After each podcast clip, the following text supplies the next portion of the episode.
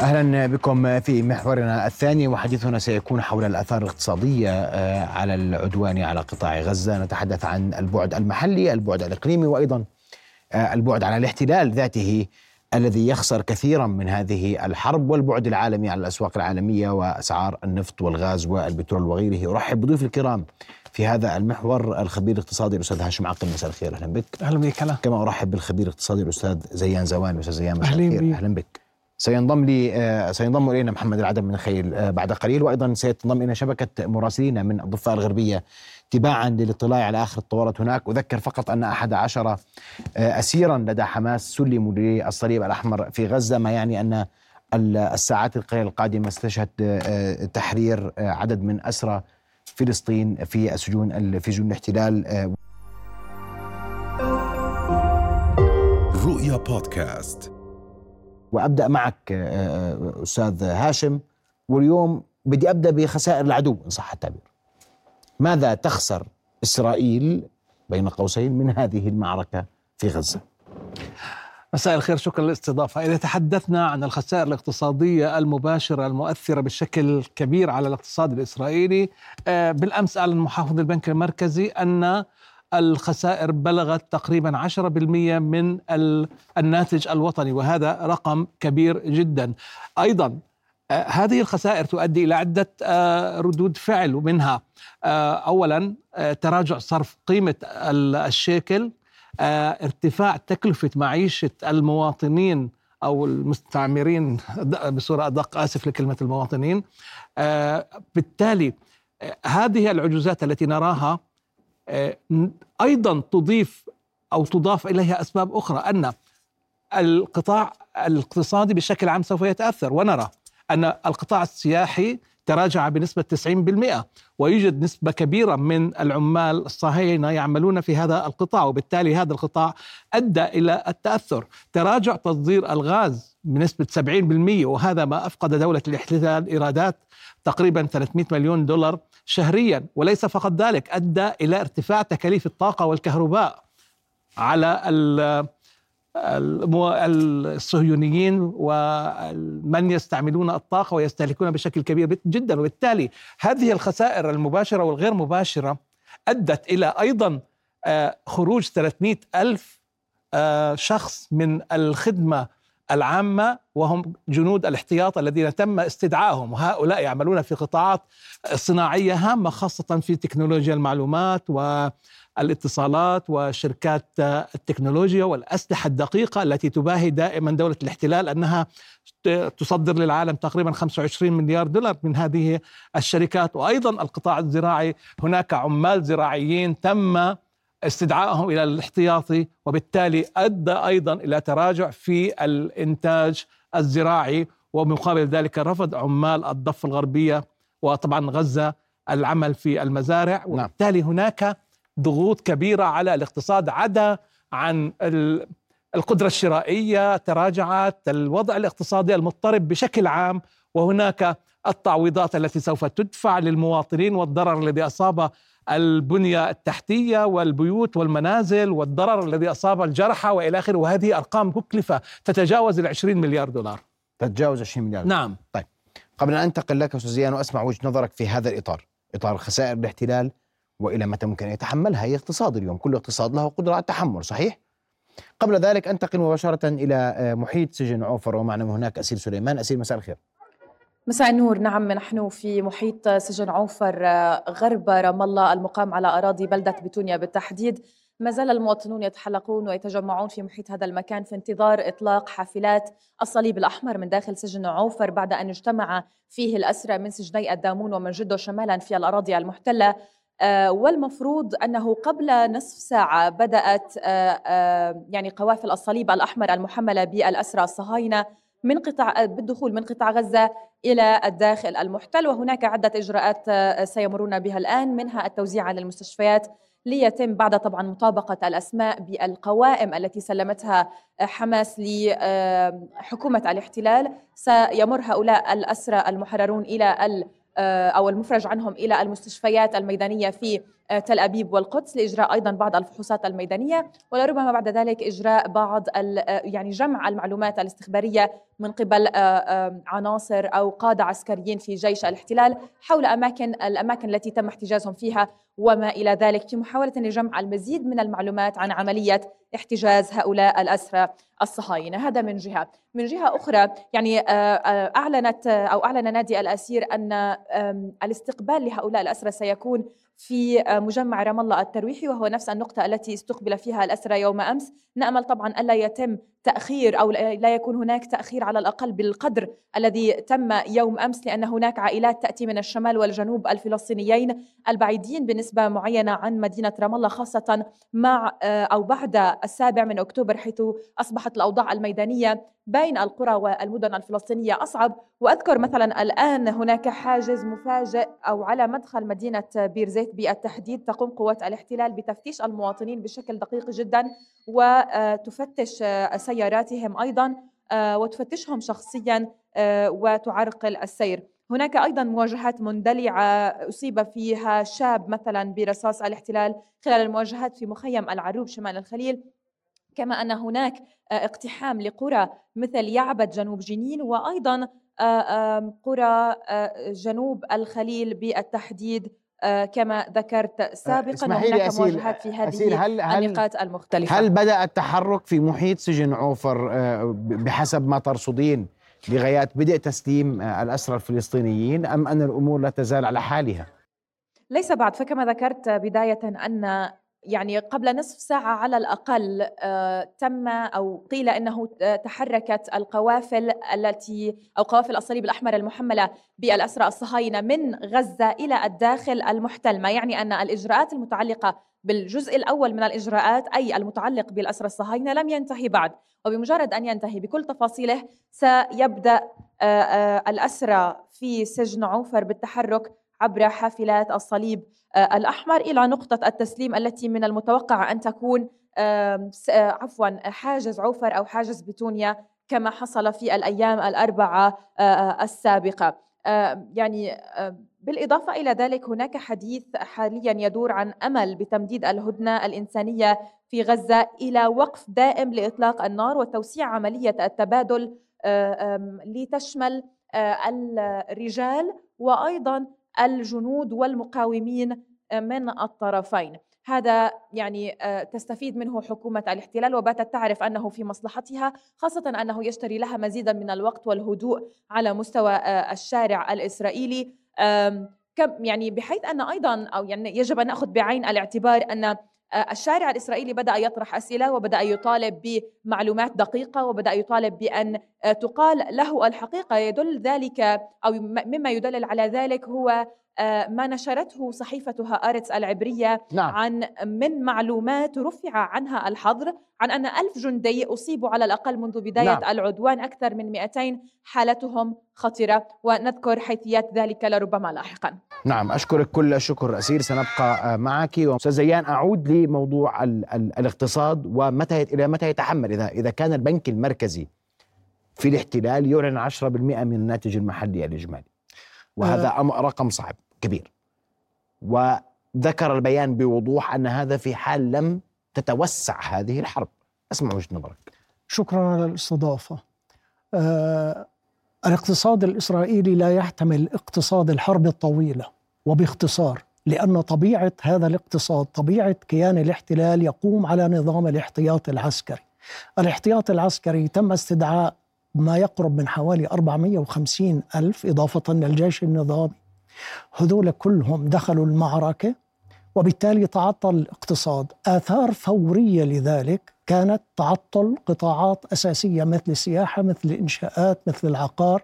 مثل ورأينا البورصة كيف انخفضت ورأينا الشيكل كيف انخفض ورأينا طبعا تعدل الشيكل نتيجة تدخل البنك المركزي الإسرائيلي ضخ أكثر من حوالي 45 مليار دولار بالسوق اتخذ إجراءات من عنده. أجل ما يقرب من حوالي 150 تسديد 150 ألف قرض على الشركات الصغيرة والمتوسطة وبالتالي خوفا من الإفلاسات. وبالتالي أصبح هناك نتيجة العطل الفوري هذا بالإضافة إلى العطل الجزئي التوقف الجزئي في قطاعات الزراعة في قطاعات الصناعة في قطاعات ال IT. أصبح هناك حالات إفلاس ممكنة الآن. أصبح هناك نقص في الإيرادات العامة للخزينة الإسرائيلية.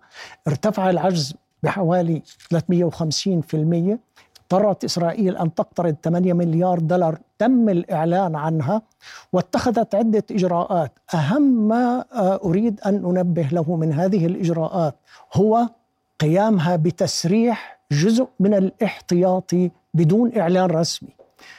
سرحت جزء من الاحتياطي العسكري بدون إعلان رسمي وبتعتيم كامل على عدد هذا الاحتياطي الذي صرحته واعادته إلى أماكن عمله مرة ثانية. طبعا هذا بعطينا صورة أنها لا تستطيع أن تستمر بهذه الحرب لفترة طويلة من الناحية الاقتصادية البحتة. رأينا كيف بورصتهم نزلت نحن معروف في الاقتصاد الإسرائيلي أيضا أن غلاف غزة يورد لإسرائيل حوالي 70% من استهلاكها من المستهلكات الحيوانية والزراعية والألبان والأجناب وغيرها. كل هذا تعطل وبالتالي 70% من غلاف غزة من غلاف غزة، نعم. طبعا هذا اللي هي المنطقة اليوم اللي صارت مهجورة إن صح التعبير. فارغ فيهاش ناس مهجورة م. تماما. م. كل هذا إضافة إلى كلف الحرب المعتادة من سلاح ومعدات وغيره بالإضافة إلى كلف آه، تسكين التهجير آه، الذي أرادت آه، إسرائيل أن تهجر أهلنا التي أرادت أن تهجر أهلنا في غزة. انظر إلى التهجير عندها وكلف عندهم الذين انتشروا من أقصى فلسطين المحتلة إلى أقصاها من شمالها لجنوبها. كله بكلف على الخزينة وبالتالي رأينا محافظ البنك المركزي الإسرائيلي بالأمس وقبل الأمس عدلت الحكومة الإسرائيلية من ميزانيتها حولت 6 مليار دولار من ميزانية مخصصات سبع وزارات حولتها للدفاع. هذا لم يعجب محافظ البنك المركزي. قال أنا عايز أكثر. محافظ البنك المركزي الإسرائيلي بالأمس يتوقع كما تفضلتم أن يكون في هناك كلف تتجاوز 50 مليار دولار. وبالتالي هذه الكلف الرقمية حتى الآن كلف لا يستطيع الاقتصاد الاحتلال أن يستمر بها.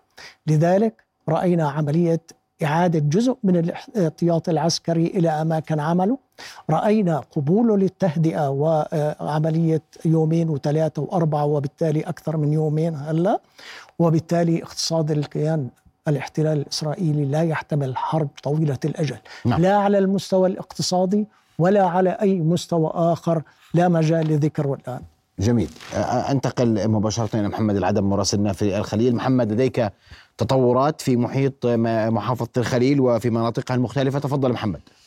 نعم في هذه اللحظات نقلت طواقم الهلال الأحمر الفلسطيني إصابة لأحد الشبان إلى المستشفى من مخيم العروب في شمال المدينة. حسب المصادر الطبية أشارت إلى أن الإصابة وصفت بالخطيرة جدا بعدما أصيب الشاب بالرصاص الحي مباشرة في منطقة البطن. العشرات من جنود الاحتلال قبل لحظات اقتحموا مخيم العروب في شمال الخليل من ثلاثة محاور وقاموا بإطلاق النار صوب المنازل بشكل جنوني وإطلاق وابل كثيف من قنابل الغاز أيضا بدعم من البرج العسكري المتواجد على مدخل المخيم. بعد دخول الجنود بلحظات أطلق أحد جنود الرصاص باتجاه أحد الشبان مما أدى إلى إصابته برصاصة مباشرة في البطن نقلتها طواقم الهلال الأحمر.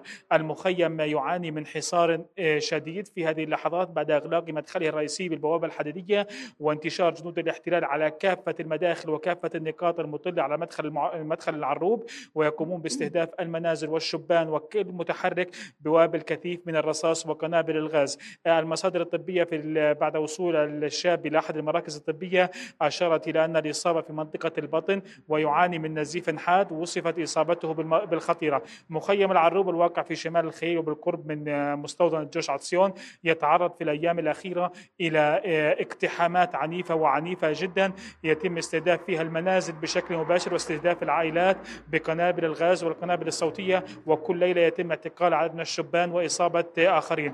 المخيم يقع على الشارع الالتفافي قرب مجمع جوتس عطسيون و آه، آه، يطل عليه برج عسكري ونقطة مراقبة لقوات الاحتلال. كما أن الاحتلال منذ السابع من أكتوبر قام بوضع ثلاثة حواجز على مدخل المخيم يعني قطعه بشكل كامل عن محافظة الخليل حيث يضطر الأهالي عندما يريدون الخروج من المخيم عبور طرق باتجاه بيت لحم وباتجاه منطقة بيت فجار بالتحديدا وهو ما يؤدي إلى تراكم الإصابات وخطورتها بدرجة كبيرة حيث يقوم بنقل المصاب إلى أقرب مجمع طبي موجود في منطقة بيت فجار ثم البحث عن طريق للوصول به إلى أقرب مستشفى. إصابة خطيرة في البطن كما ذكرت المصادر الطبية. الاقتحام بدأ قبل قليل ودائما ما يستمر هذا الاقتحام حتى ساعات الفجر. يخرج الجنود من مخيم العروب بعدما يكونوا قد اعتقلوا العشرات من الشبان وأصابوا آخرين. وخلال الأيام الماضية قدم المخيم عدد من أبنائه شهداء. إذا إصابة خطيرة اقتحام كبير وكبير جدا بعشرات الجنود انتشروا في ثلاثة محاور وهي الثلاثة شوارع الرئيسية في المخيم يقومون باستهداف كل متحرك في هذا المخيم الواقع في شمال محافظة الخليل هل هناك وضوح لأسماء من سيتم تحريرهم اليوم في محافظة الخليل محمد؟ نعم محافظة الخليل وحسب القائمة التي نشرت هذا اليوم هناك ثلاثة أسرى سيتم الإفراج عنهم. آه الأسير الأول هو الطفل آه مؤمن آه إصليبي من بيت أمر شمال الخليل والمعتقل منذ حوالي خمسة أشهر. فيما نتواجد حاليا في مدينة دورة حيث سيتم الإفراج مساء هذا اليوم عن الأسيرة منال دودين وهي أم لأربعة أطفال. كما سيتم الإفراج عن الأسيرة لميس أبو عرقوب أيضا من دورة جنوب الخليل حيث ما زلنا ننتظر وصولهم إلى رام الله. وتوجه بهن إلى محافظة الخليل. أبو عرقوب تم اعتقالها من منزلها الواقع في خرصة قضاء دورة بعد الاعتداء عليها والاعتداء على والدها الذي أصيب بجروح متوسطة وهو ما حصل للأسيرة منال دودين وهي الأسيرة الأم لأربعة أطفال. تم اعتقالهن من دورة جنوب الخليل مع بدء عدوان الاحتلال على قطاع غزة منذ السابع من أكتوبر وتم توجيه تهم التحريض لهن عبر مواقع التواصل الاجتماعي. نعم أشكرك كل الشكر محمد. سأنتقل مباشرة إلى آية الخطيب من القدس. آية أبرز ما لديك من تطورات. تفضلي آية. نعم نحن نتواجد الآن في منزل الأصغر أسير مقصي وهو يبلغ من العمر 14 عاما وهو اسمه أحمد السلايمة من المفترض أن يتم إطلاق سراحه خلال الدقائق أو الساعات القادمة بحسب القائمة التي أصدرتها هيئة شؤون الأسرى والمحررين. يعني رحلة الوصول إلى منزل الأسير أحمد السلايمة كانت متعبة ومخيفة وشاقة ولكن تمكنا نحن وعدد من الطواقم الصحفية أن نتسلل إلى داخل المنزل ونختبئ بأحد الغرف لنتمكن من أن نلتقط بعض المقاطع المصورة وربما نتمكن من أن نتحدث مع أحمد السلايمة بعد أن يتم الإفراج عنه. ولكن في هذه الأثناء قوات الاحتلال تحوط المنطقة بالكامل. هناك العشرات من المرك... من مركبات الشرطة تحوط المكان وبدأت بمنع المركبات من التحرك في هذه المنطقة. وبين فترة وأخرى تقوم باقتحام منزل الأسير تقوم بتفتيش عدد من الغرف ومن ثم تذهب من جديد. ولكن يعني يوجد داخل المنزل كاميرات يمكن من خلالها أن نتتبع متى ستدخل شرطة الاحتلال وبهذه الطريقة يتم إدخالنا إلى أحد الغرف ونختبئ إلى أن تخرج شرطة الاحتلال من جديد يعني هذه هي الإجراءات التي هل هناك موعد مرتقب آية لوصول الأسير إلى منزل ذويه الأسير المحرر؟ بالعادة الاحتلال يعني نحن نتوقع خلال ساعة بما أن الاحتلال بدأ الآن بهذه المداهمات وبشكل مستمر نحن نعلم بأن الوقت قد اقترب لوصول الأسير ولكن ربما قد تأخذ ساعة ربما دقائق وربما تصل إلى ساعة أو أكثر. ولكن يعني الإجراءات التي يتبعها الاحتلال بأنه يكون الآن والد الأسير يتواجد في سجن المكتوبية. وعندما تنتهي الإجراءات سيتم أخذ الأسير أحمد برفقة والده داخل مركبه للشرطه سيتم تقييد يديه وقدميه إلى أن يصل إلى هذه المنطقة إلى منزله. وحين يصل هنا الاحتلال بكل الأحوال سيقوم بالاعتداء على كل من يتواجد هنا وذلك لمنع الطواقم الصحفيه من رفض ما يجري. يعني محمد يبدو أن الاحتلال سيقوم في هذه الأثناء باقتحام المنزل من جديد نحن معك يا آية. نعم يعني العائلة تطالبنا بالاختباء من جديد باحدى الغرف لأن على الكاميرات يبدو أن قوات الاحتلال قد بدأت تنزل على الأدراج حتى تقوم بجولة جديدة من التفتيش داخل هذا المنزل. يعني آه، لتتخيلوا معي هنالك عدد كبير من الطواقم الصحفيه برفقة العائلة تتواجد آه، داخل هذا المنزل الصغير. وكل ما علينا أن نختبئ بغرفة صغيرة جدا حتى آه، لا يتم الاعتداء على الطواقم الصحفيه أو نعم إيه نعم يعني نحن في هذه الأثناء نرى بأن الشرطة بدأت تقترب آه، من آه، مدخل المنزل. وهي يعني خلال دقائق. سيتم آه، بطبيعة الحال اقتحام هذا المنزل. يوم أمس منع الصحفيون من إجراء أي لقاءات مع الأسرى المحررين في القدس صحيح؟ آه، ليس ليس فقط آه، بالأمس حتى اليوم كان الاحتلال يحاصر منزل الاسيره الطفله نفوس حماد وقد تم منع الجميع من آه، من آه، الاقتراب من منزل الاسيره في حي الشيخ يعني رغم أنها أصبحت محررة ولا يوجد أي قوانين تسمح للاحتلال آه، بهذه الإجراءات. ولكن حتى هذا آه، الصباح تم منعنا نحن آه، طاقم رؤية من الوصول إلى آه، منزل الأسيرة المحررة نفوس حماد للقائها آه، أو أو تصويرها ومقابلتها وهذه هي الاجراءات المتبعة في مدينة آه، القدس. وبالطبع خلال الأيام الأربعة الماضية استمر الاحتلال بإجراءات الاقتحام للمنازل ليلا ونهارا وذلك لترهيب العائلات نعم. ولترهيب الاسرى المحررين ويقوم بتهديدهم بإعادة اعتقالهم في حال حاولوا آه، التكلم مع الطواقم الصحفية. نعم. ولكن يعني هذه هذه تحديات لا تصيب المقدسيين بل يعني نحن نحاول بين فترة وأخرى أن آه، ان أن مفهوم، أن نعم. الاسرى دون أن نعرض حياتهم للخطر. طبعا بالتأكيد. آه، نأمل لكم السلامه آه، آية الخطيب آه، مراسلتنا في آه، آه، القدس. نعود لك آية في حال كان لديك أي جديد وأعود لك أستاذ هاشم اسمح لي. أن أبدأ بمداخلة صغيرة حيث توقفت وقلت أن الحرب قد تتوسع أو تمتد لفترة زمنية أطول. قد تمتد لفترة زمنية أطول أما أن تتوسع الحرب والمقصود هنا تدخل إيران أو حزب الله لن تتوسع الحرب ولن تتدخل إيران ولن تتدخل حزب الله الذي هو أداة ردع إيرانية يستعمل عندما تريد إيران ذلك الولايات المتحدة الأمريكية ضمنت حياة إيران وغضت الطرف عن العقوبات المفروضة على النفط الإيراني وسمحت لها بتصدير 3.5 مليون برميل كما جمدت العقوبات على النفط الفنزويلي وسمحت لها بتصدير مليون برميل لماذا؟ لتحافظ على أسعار بترول منخفضة على مستوى العالم حيث هناك انتخابات في العام القادم وبالتالي هذا عنصر هام جدا في الانتخابات للرئيس الذي يريد النجاح في الانتخابات. هناك يجب أن يكون سعر البنزين رخيص ويبقى أيضا في المخيلة دفع وكالة الطاقة الدولية لمناكفة منظمة أوبك والضغط عليها ومحاولة إفساد خطط منظمة أوبك زائد لتخفيض الإنتاج لدعم الأسعار وزيادتها إلى الأرقام التي ترغب بها.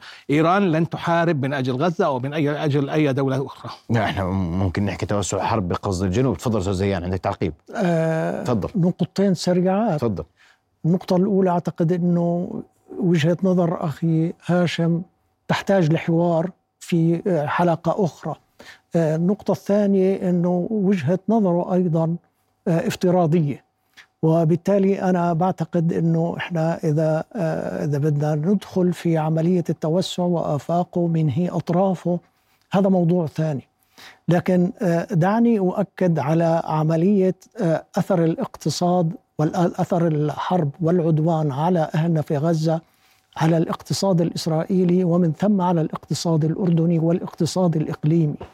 الاقتصاد الإسرائيلي عندما تصمت المدافع أخي محمد سنجد هذه الآثار تتعمق أكثر عندما تبدأ مرحلة المحاسبة الداخلية والمساءلة الداخلية والصراع على من يحكم ومن أين آه، آه، نبني أرقام الميزانية لسنة الأربع وعشرين ومن يأخذ أكثر حصة من هذه الأرقام وكيف ننفقها في ظل عملية الانقسام داخل الائتلاف نفسه الحكومي في حكومة الائتلاف الكيان وخارج الحكومة. وبالتالي عندما تصمت المدافع سنجد آثار عميقة جدا اقتصادية وسياسية واجتماعية وحزبية وشخصية وبالتالي سنجد أن مجمل المنظومة لهذا الكيان تتعرض لاهتزاز شديد آه، آه، لسنوات طويلة لن يعود ولن يخرج منها إلى ما كان قبل طوفان الأقصى المجيد.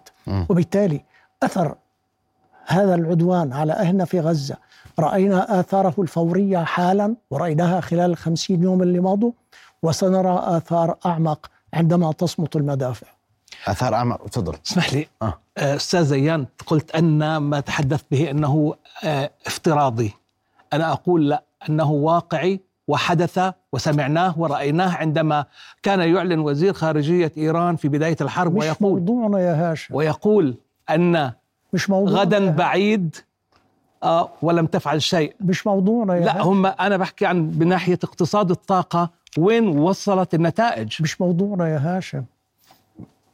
طيب أنا بدي أكون مع فاصل ومن ثم سنواصل حوارنا وأذكر أن المتحدث العسكري للاحتلال يتحدث الآن عن أنهم عن أن جيش الاحتلال جاهز لاستئناف القتال في غزة وأن آه، آه، القوات مستعدة وجاهزة لاستئناف الحرب وسنعززها بالمزيد من المعدات. أيضا يتحدث أن حماس وفق ادعائه خرقت آه، اتفاق الهدنة آه، وان جيش الاحتلال رد على هذا الاختراق آه، و آه، أيضا آه، تحدث آه، أو يقول المتحدث العسكري للاحتلال أنه تم آه، عائلات ثلاث جنود قتلوا في غزة وحماس تحتجز آه، جثثهم. هذا ما ذكره آه، مؤتمر صحفي قبل قليل للناطق باسم جيش الاحتلال المزيد من التفاصيل والمزيد حول الاقتصاد وانعكاسه محليا أيضا بعد فاصل قصير.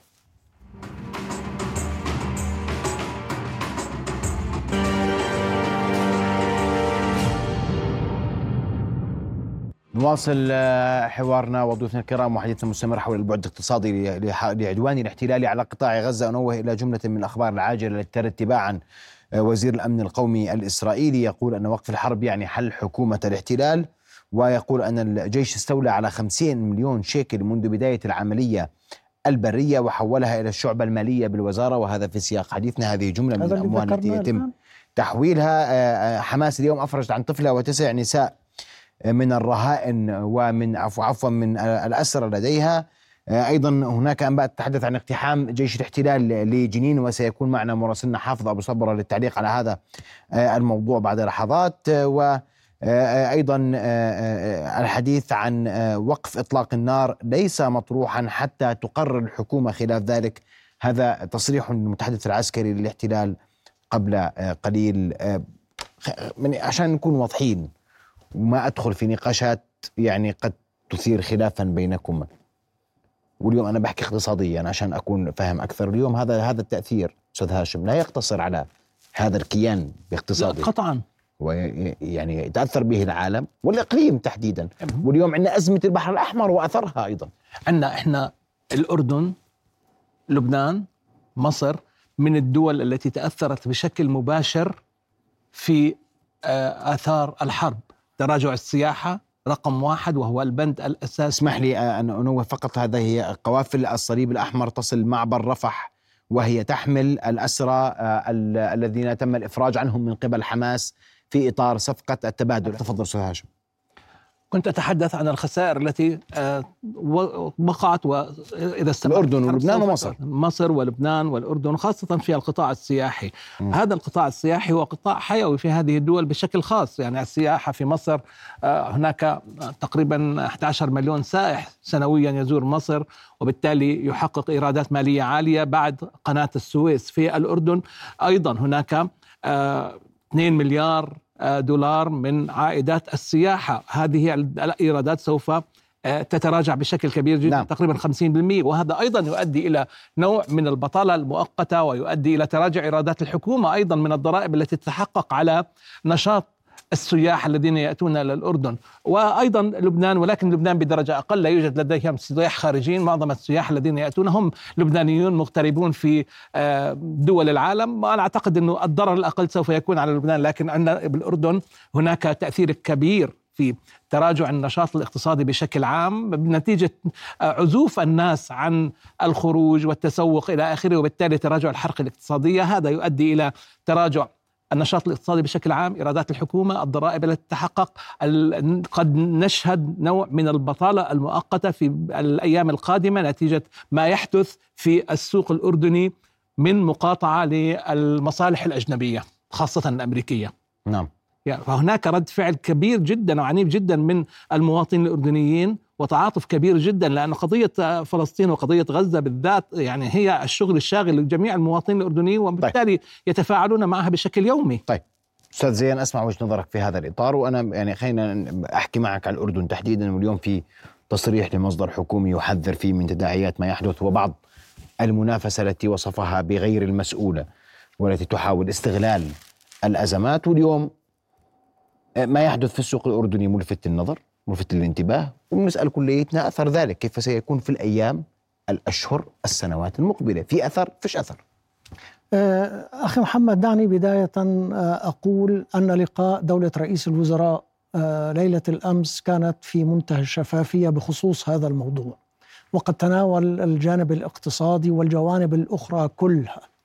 بالنسبة للجانب الاقتصادي الجوانب اللي تأثرت عنا واضحة زينا زي دول الإقليم. طوفان الأقصى وعدوان الكيان الصهيوني على أهلنا في غزة أثر على دول الإقليم أثر على آه، العالم وأثر على آه، الدول الداعمة للكيان الصهيوني. آه، دعني أقول أن بداية الطلب المحلي تبعنا نتيجة حالة القهر الذي يعيش فيها المواطن الأردني ونتيجة حالة التحفز الذي يعيش بها. رأينا كيف تراجع الاستهلاك المحلي.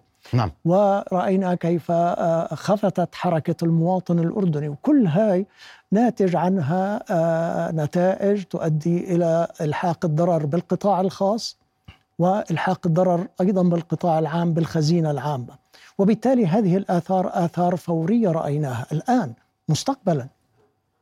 مستقبلا هذا يعتمد على السيناريو. اسمح لي قبل أن أسأل مستقبلا إنه مهم جدا اليوم إنه بحكي عن فرص عمل وبحكي عن آه، آه، ما سيكون لدينا في قادم الأيام لأنه عندنا استحقاقات امامنا موازنة ذكرناها ذكر ذكرتها الحكومة على أقل تقدير مشروع الموازنة.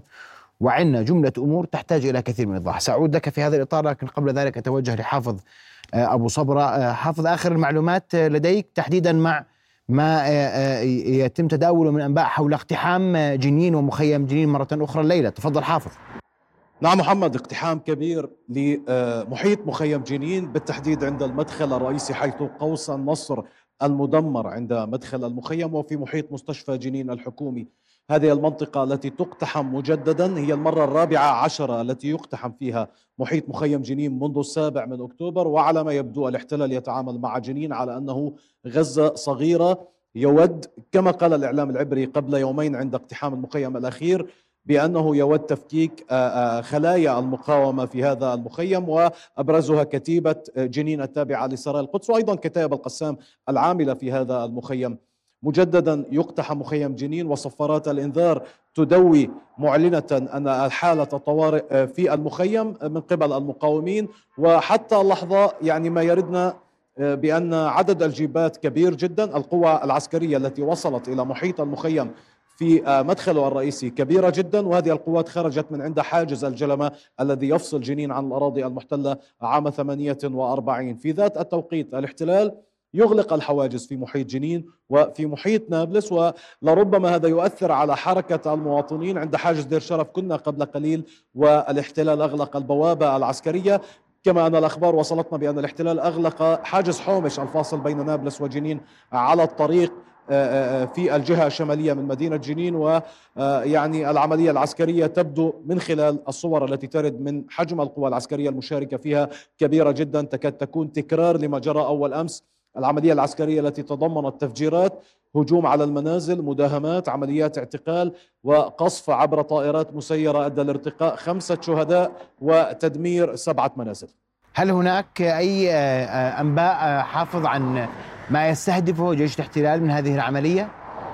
في شمال الضفة الغربية محمد إضافة لجنين هناك مخيمات نور شمس طول كرم بلاطة وعسكر هذه هذا المخمس من المخيمات لاجئين الفلسطينيين التي تشكل اليوم بؤر للحالات النضالية وللمقاومة الفلسطينية المسلحة يستهدف الاحتلال الوصول لقادة ومقاتلي هذه الكتائب. في مخيم جنين هناك كتيبة جنين أولا. عشرات المسلحين الذين خرجوا للتصدي للاحتلال يوم أول أمس وكتاب القسام أيضا. هناك عدد من المقاتلين الذين يتبعون لهذه الكتائب. كل هؤلاء يريد الاحتلال أن يصفيهم أو يعتقلهم. يعني عمليات إما اغتيال أو اعتقال من خلال مداهمات محاولات مداهمة منازل عائلاتهم للضغط عليهم واعتقال مثلا الوالد أو الوالدة أو الأشقاء للضغط على هؤلاء لتسليم أنفسهم أو تدمير هذه المنازل من خلال تفجيرها أو من خلال رصد مواقعهم لإجراء عمليات قصف عبر الطائرات المسيرة التي صارت اليوم سلاح استراتيجي يستخدمه الاحتلال من خلال حصار المخيم برا عبر الكتائب العسكرية والقوات الراجلة نعم. واستهداف نعم. المقاومين داخل المخيم الذي لا يستطيع اقتحامه من خلال الجو وهذا القصف الجوي يستخدم طائرات مسيرة بصواريخ ذكية لا تحدث دمار كبير ثم يقدم نعم. على تفجير هذه المنازل من خلال صواريخ نعم. محمولة على الكثف أنيرجا أو أنه حافظ. يستخدم الغارات الحربية عبر الطيران الحربي كما حدث في بلاطة. حافظ الحديث عن نعم تواجد قوات الاحتلال في منطقة حي الهدف في في جنين وعن إصابة ممرض. ممرض هناك آه، نتيجة اقتحام آه، المستشفى مستشفى جنين. المستشفى الحكومي في جنين تحديدا. آه، هل تعتقد أن هذه يعني آخر اقتحامات الاحتلال لجنين كانت تطول زمنيا بمعنى وكان الاستهدافات تكون واسعة للمحافظة؟ هل تعتقد أن ذلك سيكون في مشهد يعني الليلة أيضا؟ بحجم آه، القوات الراجلة. نعم وصلنا الآن محمد النبأ آه، آه، بأنه الممرض أصيب في ساحة مستشفى جنين الحكومي. هذا يعني أن الاحتلال يعود لاستهداف المستشفيات. هو يدعي بأن المقاتلين يتصدون له من محيط هذه المستشفيات لذلك هو يحاصرها. ولكن من خلال حصارها هو يؤدي لإعاقة عمل الطواقم الطبية في عملية نقل المصابين من داخل المخيم المحاصر أصلا من قبل القوات الإسرائيلية. الأنباء تقول بأن هناك حصار لشاب في حي الهدف والاحتلال يطالب بتسليم نفسه. ذات السيناريو الذي حدث في الاقتحام الأخير الذي استمر لأربعة عشر ساعة وفشل الاحتلال في الوصول إلى هذا المطارد واعتقل عدد من أقاربه. باعتقادي حجم القوى الراجلة آه، آلية حصار المخيم استراتيجية الاحتلال في عملية حصار المنزل وبعد قليل سيذهب إلى آه، آه، يعني إخراج السكان في الشارع وفي هذا البرد القارس وسيظل ينادي على المطارد بتسليم نفسه الذي سيواصل رفض تسليم نفسه وإطلاق الرصاص والتصدي لهذا الاقتحام. وهنا آه هذا اقتحام لمدينة نابلس الآن. هذا اقتحام قوات الاحتلال تقتحم المنطقة الشرقية من مدينة نابلس في آه، آه، من حاجز بيت فوريك. يعني عمليتين عسكريتين بذات التوقيت.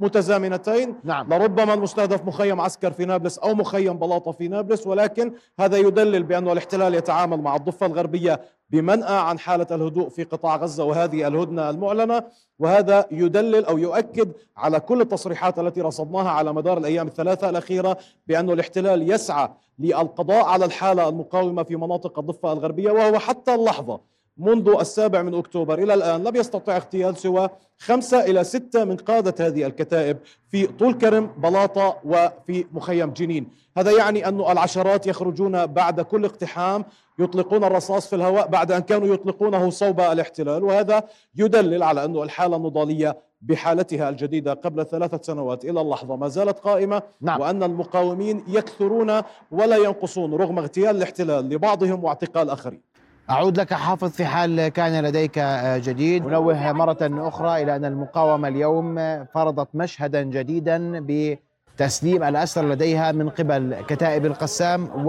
وكتائب سرايا القدس التابعين لحركة حماس وللجهاد الإسلامي. قبل قليل تم تسليم عشرة أسرى لدى حماس والجهاد الإسلامي لدى المقاومة للصليب الأحمر في غزة. تابعنا أيضا قبل قليل وصول قافلة الأسرى لمعبر رفح. أستاذ زيان اعذرني جدا عن المقاطعة تفضل آه، بما كنت تتحدث حول المشهد محليا وتحديدا موضوع البطالة الذي اليوم مقلق للناس. إذا ما استمر الحال على ما هو عليه قدرة الاقتصاد الأردني على التعامل مع كل ما يحدث اليوم. آه، دعني بداية أقول أن قدرة الاقتصاد الأردني قدرة ممتازة. مررنا بكثير من الأزمات. آخرها كان أزمة كورونا وتوابع أزمة كورونا مع أزمة أوكرانيا وتمكنا في الأردن من مواجهة هذه الأزمات ومن حزمة هذه الأزمات. صحيح كانت قاسية علينا كما كانت قاسية على العالم كما هي كما هو العدوان الآن. وأريد أن أعود للخبر الذي تفضلت به أخي محمد الآن عندما قلت أن بن غفير يقول أن تم تعديل الميزانية وأخذوا 7 مليار دولار لجيش الدفاع الإسرائيلي. 50 مليار شيكل عشان 50 أكون مليار دقيق أنا شيكل. تم تحويلها و- إلى وأن نتيجة ذلك سيكون حالة آه، انتهاء الائتلاف. وهذا ما كنت قلته قبل قليل من أنه عندما تصمت المدافع سيكون لهذا العدوان وسيكون لطوفان الأقصى أثر عميق جدا على كامل المنظومة في الكيان الصهيوني. منظومته كاملة اقتصادية واجتماعية وسياسية وحزبية ومخابراتية. الآن هذا الأثر الكبير الذي نراه وتطلب أنه كيف يمكن أن يكون له آثار عنا في العالم آه، آه، على الأردن. دعني أعود أقول أن هذا العدوان أحدث انقساما في أمريكا لم يحصل من قبل سواء داخل الإدارة أو داخل الكونغرس أو داخل المجتمع الأمريكي. ماشي. هذا على مستوى عالم. أوكي. على مستوى إقليمي نعرف أن في كثير من الدول تأثرت. خاصة بموضوع الطيران والنقل والسياحة يعني السياحة متأثرة في كل الأقليم عشان نتفق. الطيران بس و- أنا قل لي في اليوم العالم كله. طيب. عندنا في الأردن. آه. عندنا في الأردن. عندنا قدرة على معالجة مشاكلنا. هذا أساس. الدولة بخير. الأردن عندنا ظهر في هذه الأزمة كدولة وازنة لها وجودها إقليميا وعالميا وكدولة أيضا في تمام الانسجام. قيادة وشعبا وحكومة. وبالتالي هذه القدرة على مواجهة الأزمات الاقتصادية لها أثر كبير في إحداث آه، تغيير فعلي أو في إحداث نوع من الريزيلينس المناعة في مواجهة هذه الأزمة. الآن نتحدث عن ما هو السيناريو التي الذي يمكن أن يسود. هل السيناريو الذي يمكن أن يسود أن تتوقف ال- ال- الحرب؟ إذا توقفت الحرب الآثار الفورية التي رأيناها على اقتصادنا قد تستمر شهرا آخر ثم يعود تدريجيا الاقتصاد الأردني إلى ما قبل آه، العدوان. إذا السيناريو الثاني استمرت عملية مبادلة آه، الأسرى مع آه، سجنائنا ومع أبنائنا في السجون الإسرائيلية فهذا سيناريو واسع. اليوم سمعنا خبر أن هناك ضغوط لبدء المفاوضات على إطلاق سراح آه، الجنود الإسرائيليين لدى المقاومة الفلسطينية. وسمعنا آه، رأي آه، الأخوة القطريين عندما قالوا أن هذا مش وقته. نقول أن هذا يعني أن هناك مرحلة آه، يلفها عدم اليقين. إذا آه، دخلنا بهذا الحوار لإطلاق سراح سراح الأسرى بدي أنا العسكريين. خليني هلا في التمديد اليوم يوم. هذا هذا اقتصاديا يؤثر على الجميع. هذا- يبقي الحالة اسوء ما في اسوء حالاتها. دعني أقول أنه يوم يوم والتهدئة اللي حصلت آه، رفعت الاستهلاك المحلي عنا وأخرجته من حالة الجمود اللي كان فيها. مم. رأينا حالة من آه، الإقبال آه، الكبير على المنتج المحلي. رأينا حالة من آه، إقبال كبير على كل الصناعات الأردنية المحلية الآن آه، هناك في حالة عاطفية وفي حالة مقاطعة نعم للمنتجات الأجنبية وللماركات الأجنبية ففي حالة مقابلها إقبال على المنتج المحلي هذا بس السوق يشكي صحيح السوق يشتكي. لكنه الآن أحسن مما كان قبل ثلاثة أسابيع الآن أحسن مما كان في بداية. العدوان. نعم. وبالتالي نرى أن السيناريو الذي يمكن أن يسود هو الذي يمكن أن تربط به أثرا اقتصاديا معينا. نعم. إذا استمرت الحرب الآثار ستكون شديدة السلبية. شديدة السلبية. شديدة السلبية. إذا توقفت الحرب سنرى أننا نتدرج في العودة إلى النواحي الإيجابية شوي شوي. طيب. لكن أساس فيما أقول كله وهو حالة الانسجام الداخلي الأردني وقدرة الأردن على الصمود والحالة التي ظهر بها نعم. الأردن كدولة نعم. آه، كدولة وازنة. هذا الجانب المصري من معبر رفح ودخول سيارات الصليب آه، الأحمر إلى هناك تسليم لأسرى الاحتلال من قبل آه، حماس والجهاد الإسلامي للصليب الأحمر. أستاذ هاشم عالميا الأسواق اليوم في أسهم طلعت؟ ولنتفق آه، أسهم شركات الأسلحة تشهد ارتفاعا ملحوظا ضخما كبيرا جدا صحيح؟ نعم. وفي أسهم نزلت. في سؤال أن حال السوق العالمي كيف سيكون؟ النفط الذهب الغاز؟ رأيك؟ دعني بداية أتحدث عن النفط. مم. النفط يعاني من مشاكل كبيرة من التخمة في الأسواق والكميات المعروضة في الأسواق. وقلة الطلب وبالتالي الأسعار نراها آه، متراجعة. وعاكست سياسات منظمة أوبك زائد عندما لجأت منذ شهر نيسان آه، في العام الحالي إلى التخفيضات الطوعية بمجمل تقريبا 6 ملايين برميل ارتفعت الأسعار لفترة زمنية ومن ثم عودت إلى الهبوط لسبب عدة عوامل. الآن آه، هناك خلافات داخل أوبك لم يجتمع الأعضاء في 26 شهر كما كان مقررا أجلوا الاجتماع إلى 30 الشهر وتم يعني حل جزئي للخلافات والاتفاق على تخفيض مليون برميل إضافية لعل الأسعار تعود إلى الارتفاع لكن الأسعار لن ترتفع. عدة عوامل. أولا أن الصين وهي القائد للطلب العالمي تستورد يوميا تقريبا 15 مليون برميل وهي المستورد رقم واحد والمستهلك رقم اثنين. تراجع الإنتاج الصيني الصناعي الصيني أدى إلى تراجع الطلب. مشاكل داخلية في اداء في ملفات العقارات وشركات العقار والتمويل العقاري في الصين. أيضا أيضا ضاعفت المشكلة. هناك أيضا المعروض في الأسواق والعقوبات المجمدة على إيران وعلى فنزويلا وزيادة الإنتاج في دول خارج أوبك مثل الولايات المتحدة الأمريكية وكندا والمكسيك والبرازيل والأرجنتين. وهناك لاعب جديد دخل إلى الأسواق ب 600 ألف برميل وهي جويانا على حدود فنزويلا. نعم. بالتالي هذه العوامل أدت بشكل عام إلى تراجع أسعار النفط وبقائها آه، أقل من آمال ومخططات منظمه أوبك. لكن آه، فاتني قضية هامة في الاقتصاد الأردني. تفضل هناك من تحدث عن مشكلة انقطاع الغاز القادم إلينا من شركة نوبل انرجي وشركة شيفرون. ماذا سيحدث للأردن إذا تم انقطاع هذا الغاز؟ أنا أقول لن يحدث شيء، لماذا؟ عندما تم توقيع الاتفاقيه في عام 2012 لم يوجد لدينا طاقة كهربائية ولا يوجد لدينا مشروع العطارات ولا يوجد لدينا أي عنصر يدخل آه، كيلو وات واحد خارج الطاقة التقليدية.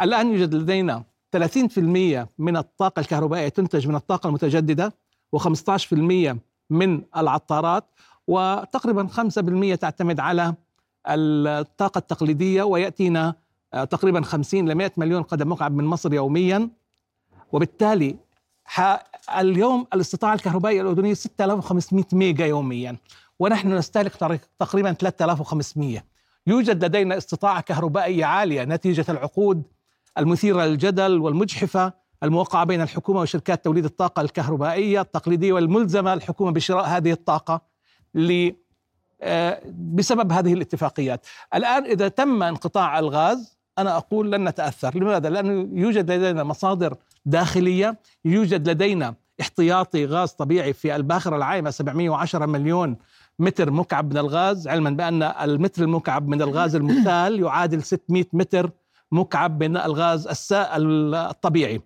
النقطة الأخرى أن هناك احتياطا لجأت الحكومة إلى الاتصال في عدة دول عربية من قطر والجزائر وعمان أيضا نعم.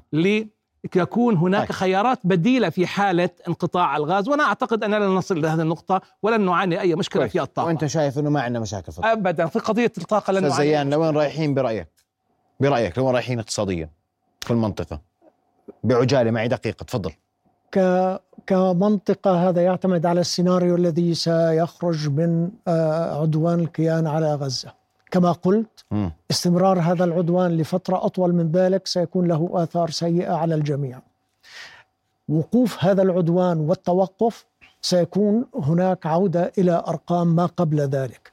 ضيف عليها أن تجربة أردنيا أتكلم أردنيا تجربة الإقبال على المنتج المحلي وممكن إلى أي مدى يمكن أن يستمر ذلك سيكون له أثر نعم. على التشغيل الأردني وعلى الاستثمار في الأردن. وهذا وهذا يحتاج إلى دراسة. و- وكل هذا بيعتمد على السيناريو الذي يسوء نعم. اسمح لي ان انوه فقط وصول واقتحام قوات ال- الاحتلال ل آه، آه، جنين آه، شمال فلسطين المحتلة. كنا تابعنا أيضا آه، قبل قبل قليل وصول الحافلات حافلات الصليب الأحمر إلى معبر رفح من الجانبين الفلسطيني والمصري وتابعنا أيضا تسليم قوات القسام قوات المقاومة للقسام وسرايا القدس للأسرى أسرى الاحتلال لديهم. آه، ننتظر ونترقب آه، وصول آه، الأسرى الفلسطينيين وخروجهم من آه، سجون الاحتلال المختلفة وتوجههم آه، رام الله حيث آه، يستقبلهم الفلسطينيون هناك. أشكركم كل الشكر ضيوف الكرام الأستاذ هاشم عقل والأستاذ زيان زواني على وجودكم معنا الليلة. شكرا جزيلا لكما رؤيا بودكاست.